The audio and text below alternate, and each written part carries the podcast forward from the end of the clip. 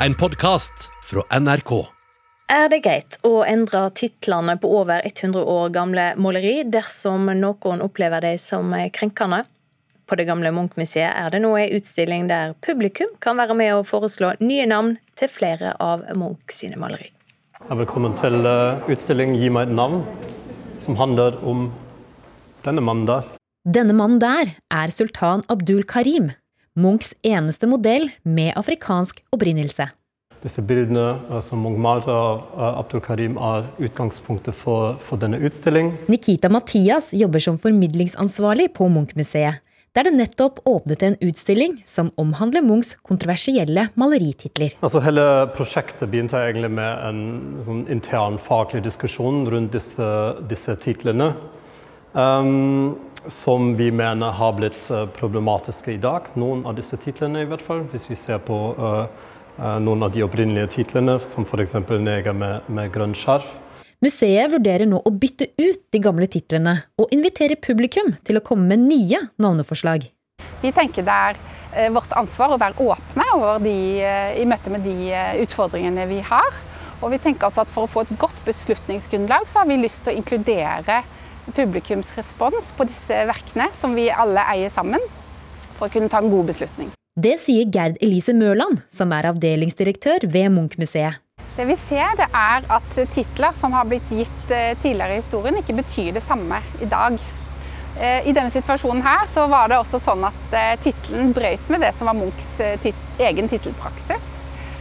Og vi så i tillegg at Munch er jo opptatt av å gi beskrivende titler på verkene sine. Utstillingen er blitt møtt med kritikk fra flere hold.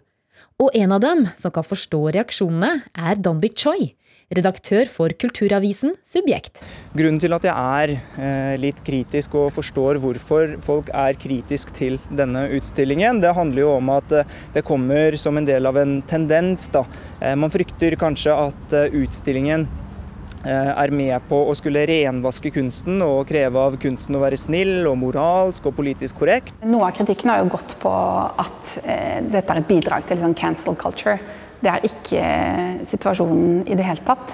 Snarere tvert imot ønsker vi å løfte frem historien. Men å endre titler på malerier er ikke en uvanlig praksis. Faktisk har flere av Munchs malerier fått endret tittelen sin i ettertid. Av bl.a. han selv og museet. Altså, mange av disse bildene har hatt mange forskjellige titler. Eh, det var også sånn at eh, Munch eh, ofte ikke har gitt titler til bildene sine. Når vi fikk samlingen, så var det en stor del av de som ikke hadde titler. Og da har museet fulgt opp med eh, Munchs egen tittelpraksis med å gi disse bildene beskrivende titler. Selvfølgelig så kan man ha lettere for å endre på en tittel som museet selv har satt, enn hvis det var kunstnerens egne ønske. da. Eh, men noen bilder er jo utitulerte fordi at de skal være utitulerte. Og, og um, Munch, at Munch endret bildets tittel flere ganger selv, gir jo egentlig ikke oss noen rett i senere tid til å endre det igjen. Og fikk du lyst til å se denne utstillinga, så henger den oppe på det gamle Munch-museet på Tøyen fram til 1. oktober. Reportere det var Ida Yasin Andersen og Linda Marie Fedeler. Da skal det handle om eh, hva skal vi si estetikk. Hvert år så kåres nemlig verdens vakreste bok i en internasjonal konkurranse i Frankfurt. Bøkene som er med i konkurransen har allerede vunnet pris i sitt eget hjemland, så nivået det er, det er høyt. 500 bøker fra 30 land konkurrerte, og Marianne Hurum hennes bok 'Krabbe' tok bronse, og før det så har boken to gull nasjonalt. Marianne Hurum, velkommen til Nyhetsmorgen. Tusen takk. Gratulerer med pris. Tusen hjertelig takk. Dette er en bok om din kunst. Hva er det som gjør at det er du som eh, stikker av med bronseplassen? Det første er at jeg har hatt to fantastiske designere for boka. Carl Gürgens og Levi Bergquist. Eh, dette er jo hovedsakelig en designpris. Eh, og vi kan jo tenke at kanskje innholdet har noe å si, men formen her, hvis jeg kan snakke om det, som er bokas på en måte natur her, det er at designerne de har laget noe som ligner et, på et eh, redaksjonelt rammeverk for innholdet. Sånn at jeg har kunnet plassere bildene av mine malerier og skulpturer i det systemet de har laget, som nærmest har blitt som en utstilling. Og så hadde jeg noen uh, på en måte betingelser eller ideer i, utgangspunktet, og det var at jeg ville ikke ha tekst og tall sammen med bildene, fordi jeg er en visuell kunstner og opptatt av at det visuelle skal tale for seg. Uh, og jeg var opptatt av at uh, teksten skulle være på tynne, fargede avispapirsider. Så jeg kan rett og slett ha utstilling med din kunst på mitt nattbord, hvis jeg vil det? Det mener juryen. Men omslaget, det, det er en uh, krabbe? Omslaget er en krabbe. Hvordan tenkte du og grafikeren da dere skapte det? Uh, nei, da tenkte vi uh, Fordi vi hadde snakket om at boken gjerne skulle se litt ut som en sigareske. Og krabbefargen på taskekrabben, i hvert fall når den er sånn som vi ofte spiser den, uh, har den samme fargen. Så da var fargen grei, og motivet krabbe er et gjentagende motiv som jeg bruker i min krets av motiver. Så da satte vi den på forsiden. Så ingen tilfeldighet? Men det var veldig få tilfeldigheter i den boka. Men denne prisen, den er eh, for oss som ikke er i ditt miljø og kjenner den like godt, hvor høyt henger den? Den henger høyt. Eh, da jeg snakket med designerne, så eh, ville de sammenligne det med VM i bokdesign. Så jeg tror det er flott. Det er, eller det er, det er, en, flott utmerkelse. Det er altså 500 allerede prisvinnende bøker fra 30 land som sendes inn, og så blir det laget en shortlist på 40 av de. Og så er det da eh, medaljer, hvor denne vant bronse. Så den har kommet en lang vei. Og veien fram den har gått gjennom et eh, veldig spesielt samarbeid med designerne. Hvordan eh, har det vært? Ja, det har vært veldig uh, flott. Det, det, anledningen til at det gikk an å lage denne boka, var at jeg hadde en separatutstilling på Lillehammer kunstmuseum som har gitt ut boka. og Levi Bergquist, eh, Carl Gürgens og jeg vi satte oss ned sammen og gjorde rett og slett et samarbeidsprosjekt ut av boka. Mer enn at de satte inn det jeg hadde av materiale. Da du eh, fikk vite at du var blant de 20 nominerte, da var du allerede fornøyd og stolt over eh, det, men så ble det altså en bronsepris. Eh, hva var det første du tenkte da? Jeg tenkte jo at eh, Carl Gurgens og Lev Bergkunst er helt fantastiske. Og så tenkte jeg at jeg var glad for at jeg hadde fått gitt ut bok, og så fikk jeg lyst til å lage flere malerier og flere skulpturer. Så da kan vi vente på det? Ja, det kan dere. Det kommer snart en utstilling. og kanskje en ny bok. Marianne Hurum, tusen takk. Tusen takk.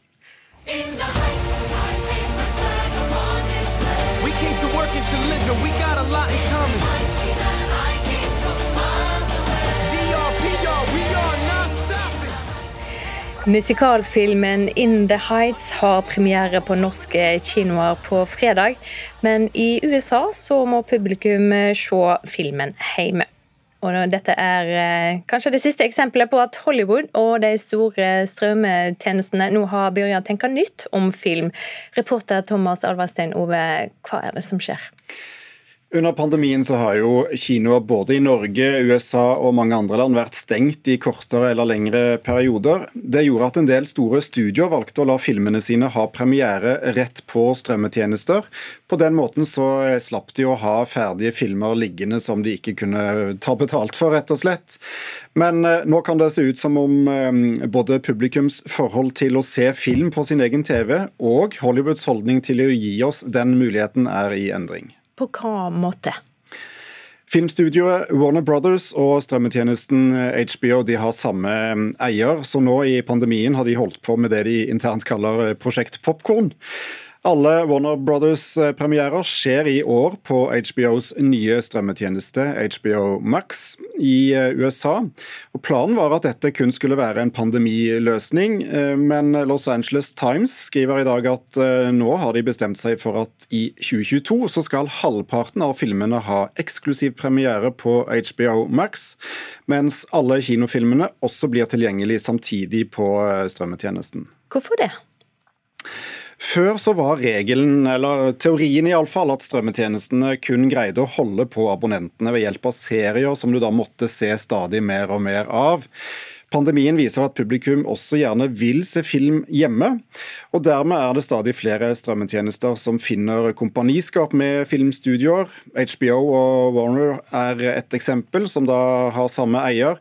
Amazon kjøpte for ikke lenge siden James Bond-produsenten MGM, og filmgiganten Disney har jo, eh, som mange vet, startet sin egen strømmetjeneste.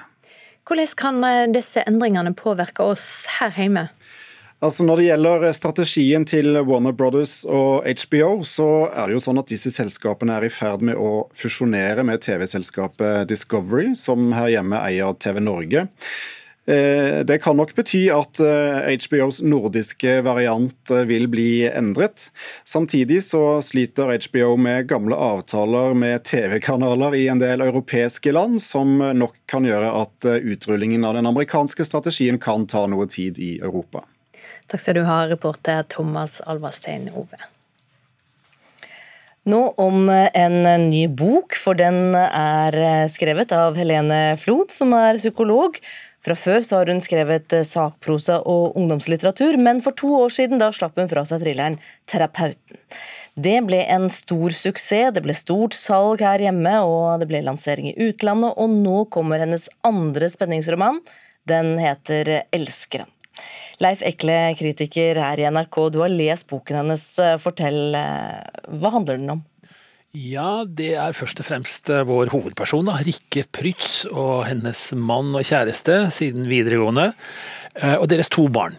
De bor på Tåsen i Oslo, det er liksom nest beste eller tredje beste vestkant. Og de bor i en firemannsbolig med felles inngang. Og i leiligheten oppe til venstre, der eh, bor uh, Jørgen, naboen, og han kona hans. Og det er Jørgen som blir funnet død. Strupen skåret over, og arbeidsbordet og tastaturet foran PC-en fylt med denne pølen av blod som vi nesten alltid leser om i sånne bøker. Og Spørsmålet er selvfølgelig hvem har gjort det. Uh, noen utenfra er ikke usannsynlig. Uh, Jørgen har drevet som uh, frilans gravejournalist i mange år, en dyktig sådan, og har pådratt seg fiender. Dessuten så er det dukka opp en del døde katter i området som er hengt opp på makabert vis. Det kan være en sammenheng der. Eller det kan være nesten hvem som helst i huset, for alle vet hvor ekstranøkkelen ligger. Så spørsmålet blir da eh, hvem har gjort dette? Og da er mitt spørsmål, er den spennende? Altså Er den like god som terapeuten som fikk eh, en god mottakelse? Ja, den er spennende nok, ja. Eh, syns det. Eh, kanskje til og med hakket bedre enn forgjengeren, syns jeg. Fordi den er kanskje mer frigjort fra de sjangerforventningene som ligger i begrepet psykologisk thriller etter hvert. Og Det viktigste er jo kanskje at Helene Flod skriver godt. Framdrifta er veldig god. Om det er med hensikt eller ikke, det, det, vet jeg ikke, men det finnes også et hint av sånn klassisk who done it. Altså hvem var det som gjorde det, sånn som Agatha Christie drev med f.eks. Og det styrkes ikke minst av en sjarmerende 70 år gammel eks-militær etterretningsmann på den andre sida av gata, som blir en del av eh, hele greia og oppklaringen. Og, og dette fungerer fint. Helene Flod har orden i sysakene, og da fungerer det godt. Leif Ekle, nå nevnte du eh, i sted sjanger og forventninger. Eh, ja. Hva er det som er problemet med, med den psykologiske thrilleren, eh, som du ser det? Ja, altså som all, all sjangerlitteratur, jo mer sjangerdefinert den er, jo lettere har den for å kjøre seg fast i sine egne spor, og dermed at bøkene ligner hverandre. Ehm, et lite sidespor. En svensk ekspert på nyhetsjournalistikk sa en gang at en nyhet er det som gjenkjennes som en nyhet i en nyhetsredaksjon. Ehm, og noe lignende mener jeg man kan si om den psykologiske thrilleren og andre sjangere, for så vidt. Eh, og det er at En psykologisk thriller er det som gjenkjennes som en psykologisk thriller i en forlagsredaksjon, eller i et publikum eller et kritikerkorps. Det er ikke nødvendigvis negativt, men jeg vil nok påstå at Helene Flods bok i prinsippet så kan den flyttes hvor som helst uten at innholdet endrer særlig karakter. Du kan bytte ut Oslo, Tåsen, Oslo og Tåsen med en pyntelig London-bydel eller et tilsvarende en mellomstor amerikansk eh, by. Og bestselgerdelen av denne sjangeren har dratt på seg en slags polering og et snev av ufarlighet som den ikke trenger. I en uh, dobbeltanmeldelse på nettet så har du trukket fram en annen ny thriller. Uh, er Ruth Lillegravens 'Av mitt blod' annerledes, mener du? Ja, uh, den er jo det. På noen måter er den helt ulik, selv om den også er å betegnes som psykologisk thriller. Ikke minst gjelder dette med sted. Denne kan ikke flyttes. Den hører hjemme på Vestlandet. Og dette er også, også Lillegravens spenningsroman nummer to. Hun er jo poet, egentlig. Eh, og dette skal være del to i en serie om juristen Klara Lofthus. Hun var statssekretær i Justisdepartementet i den første boka, og nå når denne begynner, så er hun eh, utnevnt justisminister. Til tross for, må jeg nesten si, alt det styret som oppsto da mannen hennes drukna en, under en felles svømmetur på, på Vestlandet. Og denne fortellinga den fortsetter på mange måter i samme stil som forrige gang. Det er en veldig utrert personlighet vi har med å gjøre, og Klara Lofthus altså. Eh, og selv om dette også foregår på Oslo vest, justisministre bor gjerne der, eh, så er den også knytta veldig sterkt til Vestlandet, og det er noe Lillegraven kan. Hun er god på natur, hun skriver gjennomført fint og tett om og på omgivelsene, og fortellinga nærmer seg det helt spinnville, som vi sier. Det er spennende, og sluttkapitlet tar det helt ut. Det gjelder for øvrig også Helene Flods bok. Og uh, Anmeldelsen av, av, begge disse bøkene den, de finner du på nrk.no anmeldelser. Takk skal du ha, Leif Ekle. Du har hørt en podkast fra NRK. Hør flere podkaster og din favorittkanal i appen NRK Radio.